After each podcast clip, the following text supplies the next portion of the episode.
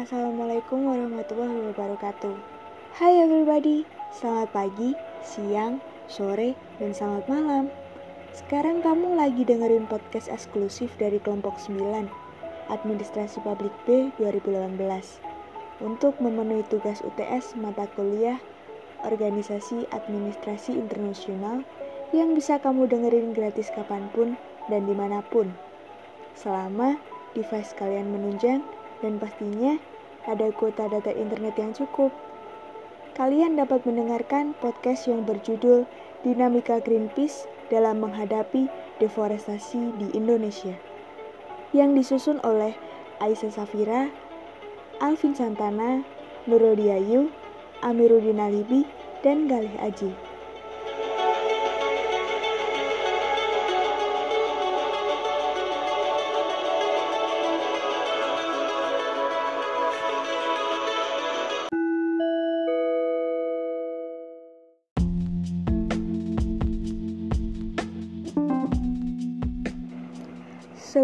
Masuk ke peran Greenpeace untuk penyelamatan lingkungan, kita akan terlebih dahulu membahas bagaimana Indonesia disebut sebagai Zamrud Katulistiwa.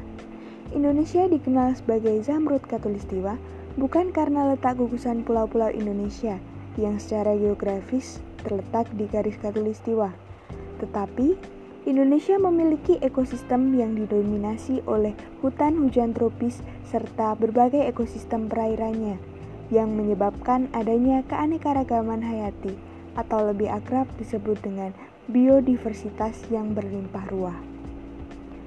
Jika dilihat dari angkasa, gugusan kepulauan Indonesia nan hijau berasal dari kumpulan pohon yang tempat hidupnya dinamakan hutan. Warna hijau ini menjujukan mata bak batu zamrud. Hal inilah yang kemudian membuat Indonesia dikenal sebagai Zamrud Katulistiwa. Um, tetapi bagaimana sekarang? Apakah Indonesia masih layak disebut menjadi Zamrud Katulistiwa? Saat ini, kondisi hutan tropis di Indonesia sangat memprihatinkan. Istilah Zamrud Katulistiwa teruntuk hutan tropis Indonesia mungkin sudah tak ada lagi karena masalah hmm, seperti kebakaran hutan, pembukaan lahan perkebunan secara ilegal, hingga pembalakan liar sudah marak terjadi, hingga menarik perhatian dunia internasional. Lalu, Greenpeace Indonesia sebagai organisasi kampanye lingkungan internasional yang beraksi untuk menyelamatkan bumi menilai angka laju deforestasi di Indonesia masih cukup tinggi dan pemerintah dinilai belum serius dalam menghentikan deforestasi ini. Deforestasi atau pengawal hutanan atau juga biasa disebut dengan penghilangan hutan atau pengundulan hutan adalah kegiatan penebangan hutan atau tegakan pohon stand of trees sehingga lahannya dapat dialihgunakan untuk penggunaan nir hutan atau non-forest use. Ya ini dijadikan sebagai lahan pertanian, peternakan, atau malah kawasan perkotaan. Selanjutnya saya akan membahas tentang deforestasi di Indonesia. Deforestasi merupakan aktivitas yang dilakukan oleh manusia dalam penebangan hutan untuk dijadikan lahan tidak berhutan secara permanen. Deforestasi ini dapat mengubah fungsi hutan yang awalnya untuk pelestarian lingkungan serta menjaga ekosistem namun menjadi suatu kepentingan bagi manusia. Dalam pandangan yang lebih luas, deforestasi ini dilihat sebagai fenomena yang kompleks, di mana terdapat beragam faktor dan kepentingan yang saling berinteraksi di dalamnya. Presiden Republik Indonesia mengakui bahwa Indonesia menjadi negara terbesar ke-6 penghasil emisi karbon dioksida terbesar di dunia dengan 1,98 ton emisi karbon dioksida per tahunnya. Menghadapi sorotan dunia tersebut, Presiden mengeluarkan Peraturan Presiden Republik Indonesia Nomor 6 Garing 2011 mengenai Rencana Aksi Nasional Penurunan Emisi Gas Rumah Kaca tahun 2010 sampai 2020. Indonesia berkomitmen untuk mengurangi emisi sebesar 29% dengan upaya sendiri dan menjadi 41% jika ada kerjasama internasional pada tahun 2030. Analisis FPI menemukan bahwa sampai dengan tahun 2013, luas tutupan hutan alam di Indonesia adalah 82 juta hektar atau sekitar 46% dari luas daratan Indonesia. Persentase luas tutupan hutan alam yang dibandingkan dengan luas daratan di masing-masing pulau sampai dengan tahun 2013 secara berurutan adalah Papua sekitar 85% daratannya masih berupa hutan alam, Maluku 57%, Kalimantan 50%, Sulawesi 49%, Sumatera 24%, Bali Nusa Tenggara 17%, dan Jawa tersebesar sebesar 5%. Di tahun 2016 terdapat tiga provinsi di Indonesia yaitu Sumatera Utara, Kalimantan Timur, dan Maluku Utara masih menyimpan 9 juta hektar hutan alam atau sekitar 40% dari luas daratan di tiga provinsi. Luas hutan alam tersebut berkurang sebesar 718.000 hektar dari tahun 2013 sampai 2016.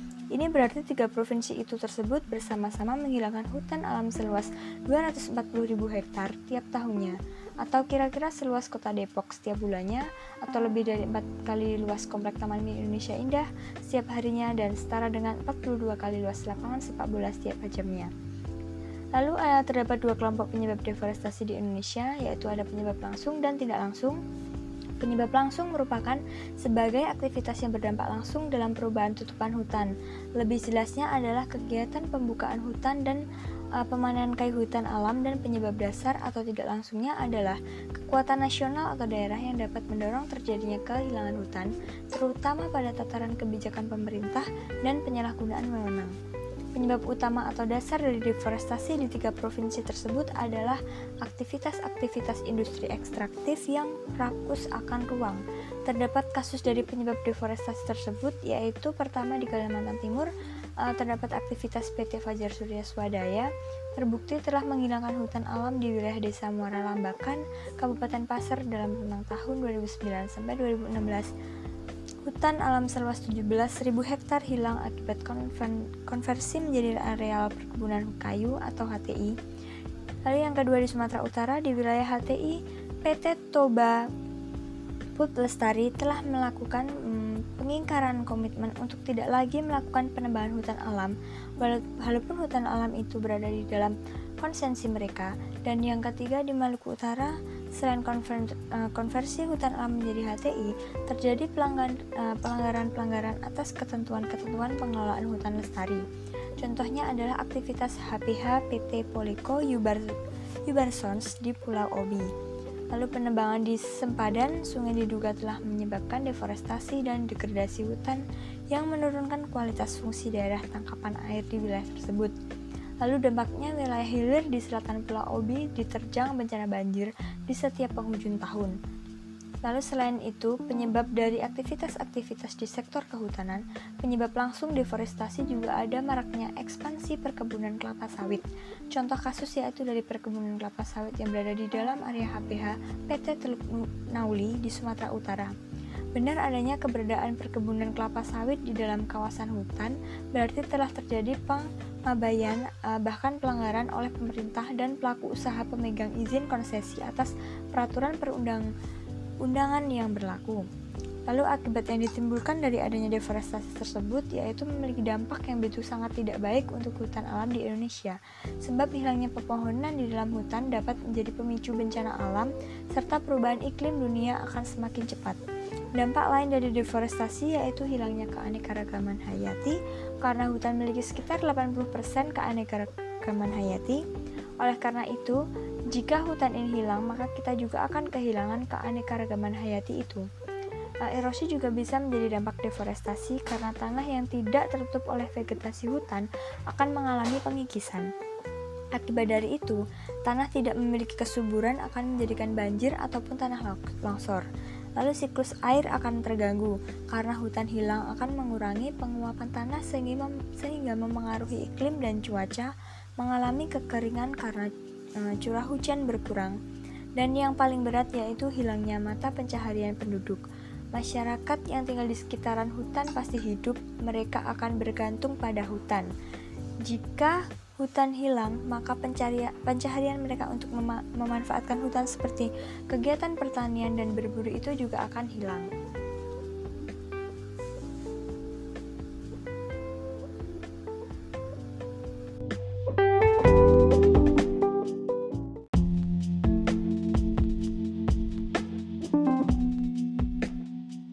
Ya baik eh, teman-teman kita melanjutkan materi berikutnya tentang bagaimana sih peran Greenpeace itu dalam melawan atau apa ya namanya tuh memprotes deforestasi yang ada di Indonesia itu. Nah, jadi terdapat dua strategi bagi Greenpeace agar upaya melindungi hutan Indonesia yaitu yang pertama adalah strategi direct action dan yang kedua adalah moderate. Strategi direct action adalah di mana Greenpeace sendiri melakukan konfrontasi langsung dalam penyampaian aspirasinya. Seperti yang terjadi pada November 2007 lalu, Greenpeace dengan kapal miliknya yaitu Rainbow Warrior melakukan konfrontasi langsung dengan memblokade atau menghadang kapal MT Westama selama tiga hari. Nah, Greenpeace Internasional menyatakan bahwa penghadangan kapal tersebut merupakan tindakan nyata dari Greenpeace dalam membeberkan dampak buruk industri kelapa sawit terhadap lahan gambut dan hutan di Indonesia. Nah, eh, kemudian yang kedua adalah strategi moderate yang dimiliki Greenpeace dibagi lagi menjadi dua yakni uh, scientific report dan lobbying. Nah, apa sih scientific report itu? Scientific report itu ya merupakan uh, sebuah strategi yang dimiliki Greenpeace yang mana uh, actionnya itu dengan menerbitkan laporan-laporan penelitian tentang permasalahan yang ada seperti adanya perusakan ke lingkungan, kerugian dampak buruk segala rupa itu berdasar-dasar data yang disebarluaskan kepada publik secara fisik maupun data digital yang dapat diunduh.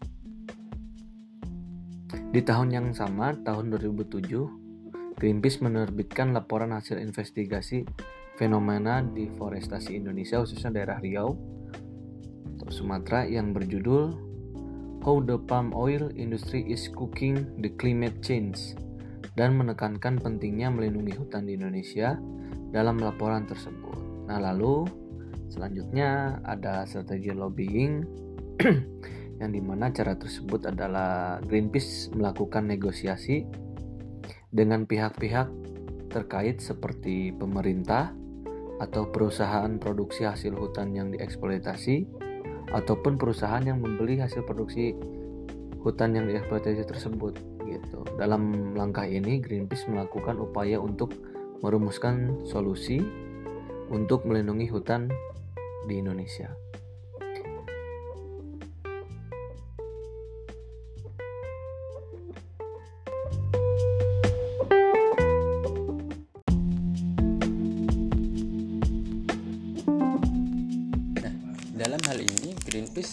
Sebenarnya termasuk kategori NGO gitu dengan keanggotaannya bukan uh, mewakili pemerintah maupun negara.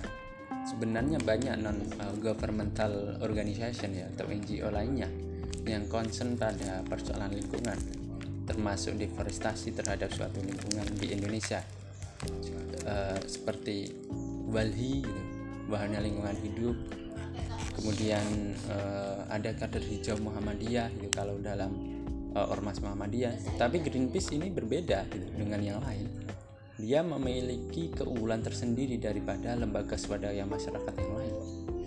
Greenpeace menjadi NGO yang konsisten di bidang lingkungan hidup dengan cabang uh, di lebih dari 40 negara yang berpusat di Amsterdam, Belanda.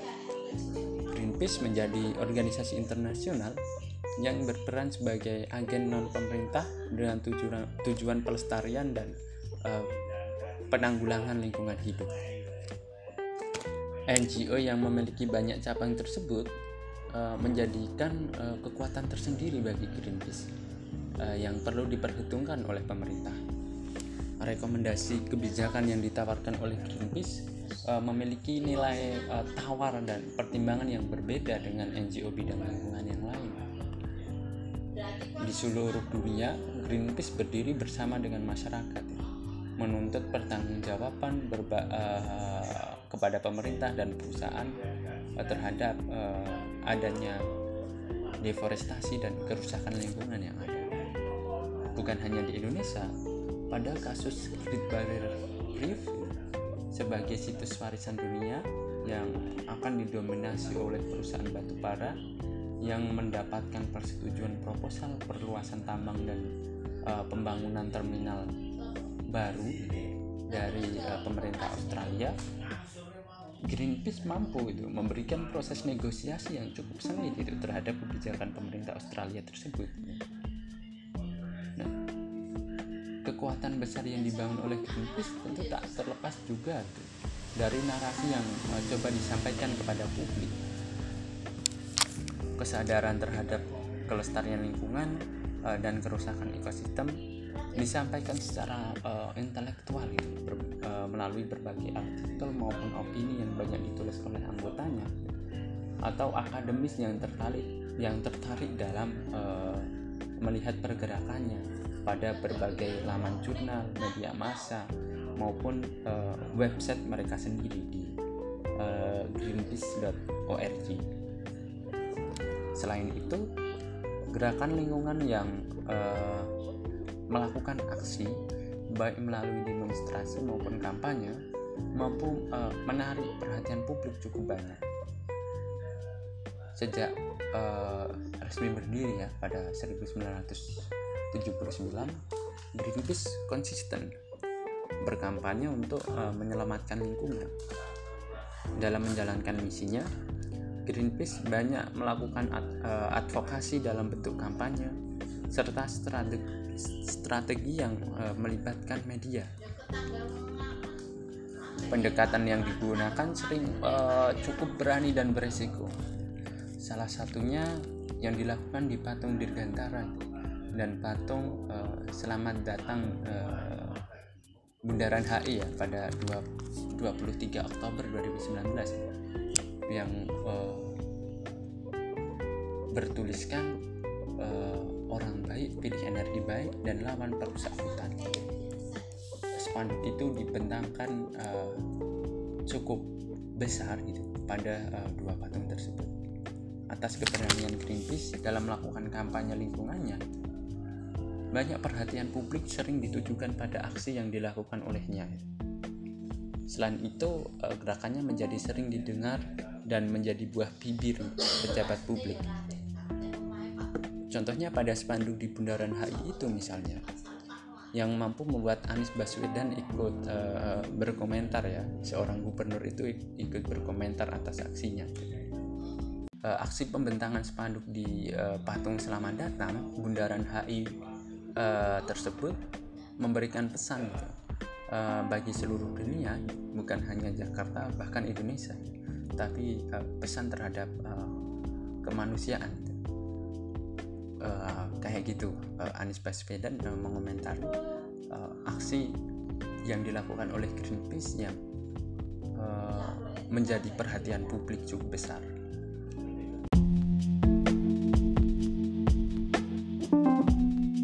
Dengan uh, berbagai keunggulan tersebut, menjadikan berbagai cara yang dilakukan oleh Greenpeace dalam melawan deforestasi di Indonesia memiliki daya tawar tersendiri bagi kebijakan pemerintah maupun perumusan yang uh, sedang dibuat oleh pemerintah terhadap suatu uh, isu lingkungan ya maupun perusahaan yang melakukan pengerusakan uh, lingkungan termasuk deforestasi hutan.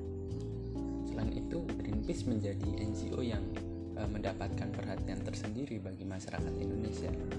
Karena kebesaran uh, karena kebesarannya sebagai NGO internasional dan konsistensinya pada pelestarian lingkungan. Termasuk dalam melawan deforestasi di Indonesia.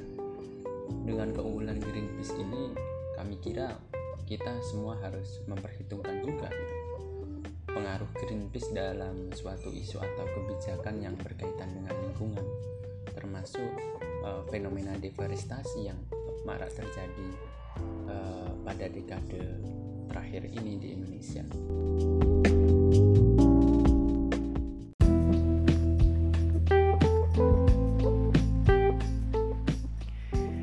Ya, memang e, Indonesia dulu pernah disebut sebagai Zamrud Katulistiwa karena memiliki keistimewaan dalam ekosistemnya.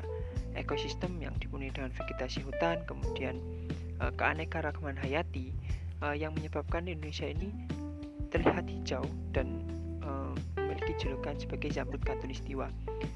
Namun demikian, uh, Zamrud Katulistiwa ini uh, sudahlah tidak menjadi julukan uh, Indonesia sekarang ini. Berbagai permasalahan lingkungan, uh, seperti kerusakan hutan, kemudian deforestasi atau penggundulan hutan yang semakin hari ini semakin banyak di Indonesia. Hutan yang digunduli dan dialihfungsikan lahannya menjadi lahan tanpa pohon secara permanen, menyebabkan luas hutan di Indonesia semakin berkurang. Nah, di sini ada tiga provinsi yang memang uh, memiliki sumbangan terbesar dalam uh, deforestasi di Indonesia. Yang pertama adalah Provinsi Sumatera Utara, kemudian Kalimantan Timur, dan Maluku Utara. Ketiga wilayah ini pada tahun 2013 memiliki luas hutan sekitar 9 juta hektar, namun mengalami penurunan dan berkurang sekitar 718.000 hektar di tahun 2016. Ya, deforestasi ini uh, disebabkan oleh seperti kegiatan uh, penambang, uh, penebangan untuk kebutuhan dijual maupun pembukaan lahan yang memang rakus akan ruang seperti perindustrian, kemudian pertambangan, bahkan perkebunan-perkebunan seperti perkebunan sawit di Kalimantan. Nah, akibatnya uh, adalah ketika terjadi deforestasi ini semakin berkurangnya hutan semakin berkurang pula keanekaragaman hayati yang menghuni hutan tersebut. Kemudian terjadinya erosi akibat tidak adanya pemohonan serta kemungkinan hilangnya mata pencarian masyarakat yang memang tinggal di sekitar hutan tersebut. Nah salah satu organisasi yang memang fokus pada permasalahan uh, deforestasi di Indonesia ini adalah Greenpeace.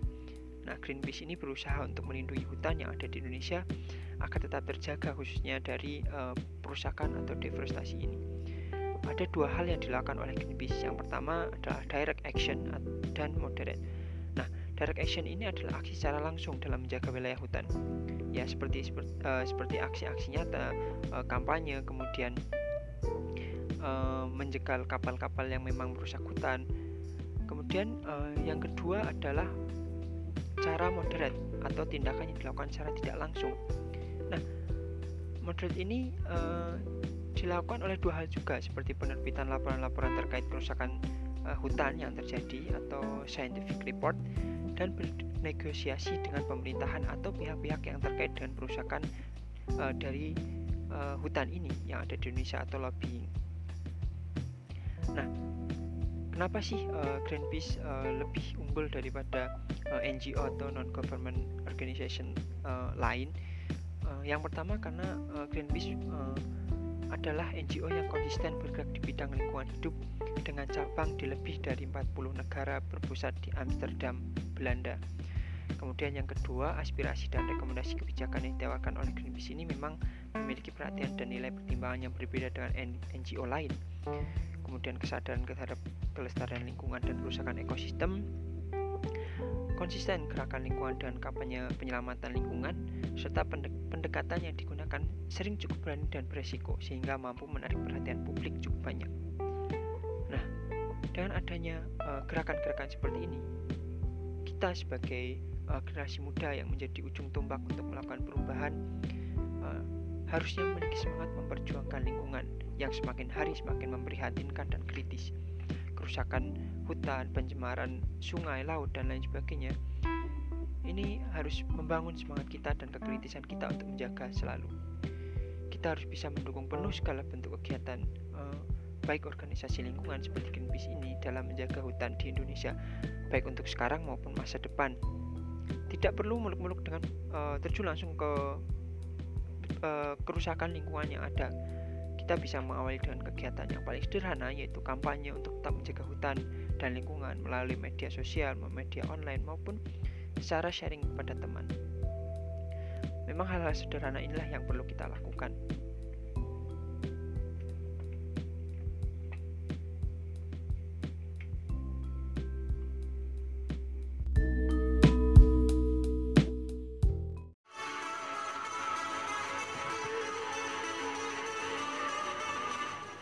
Mungkin itu podcast dari kami. Semoga bermanfaat dan menambah wawasan bagi kita semua.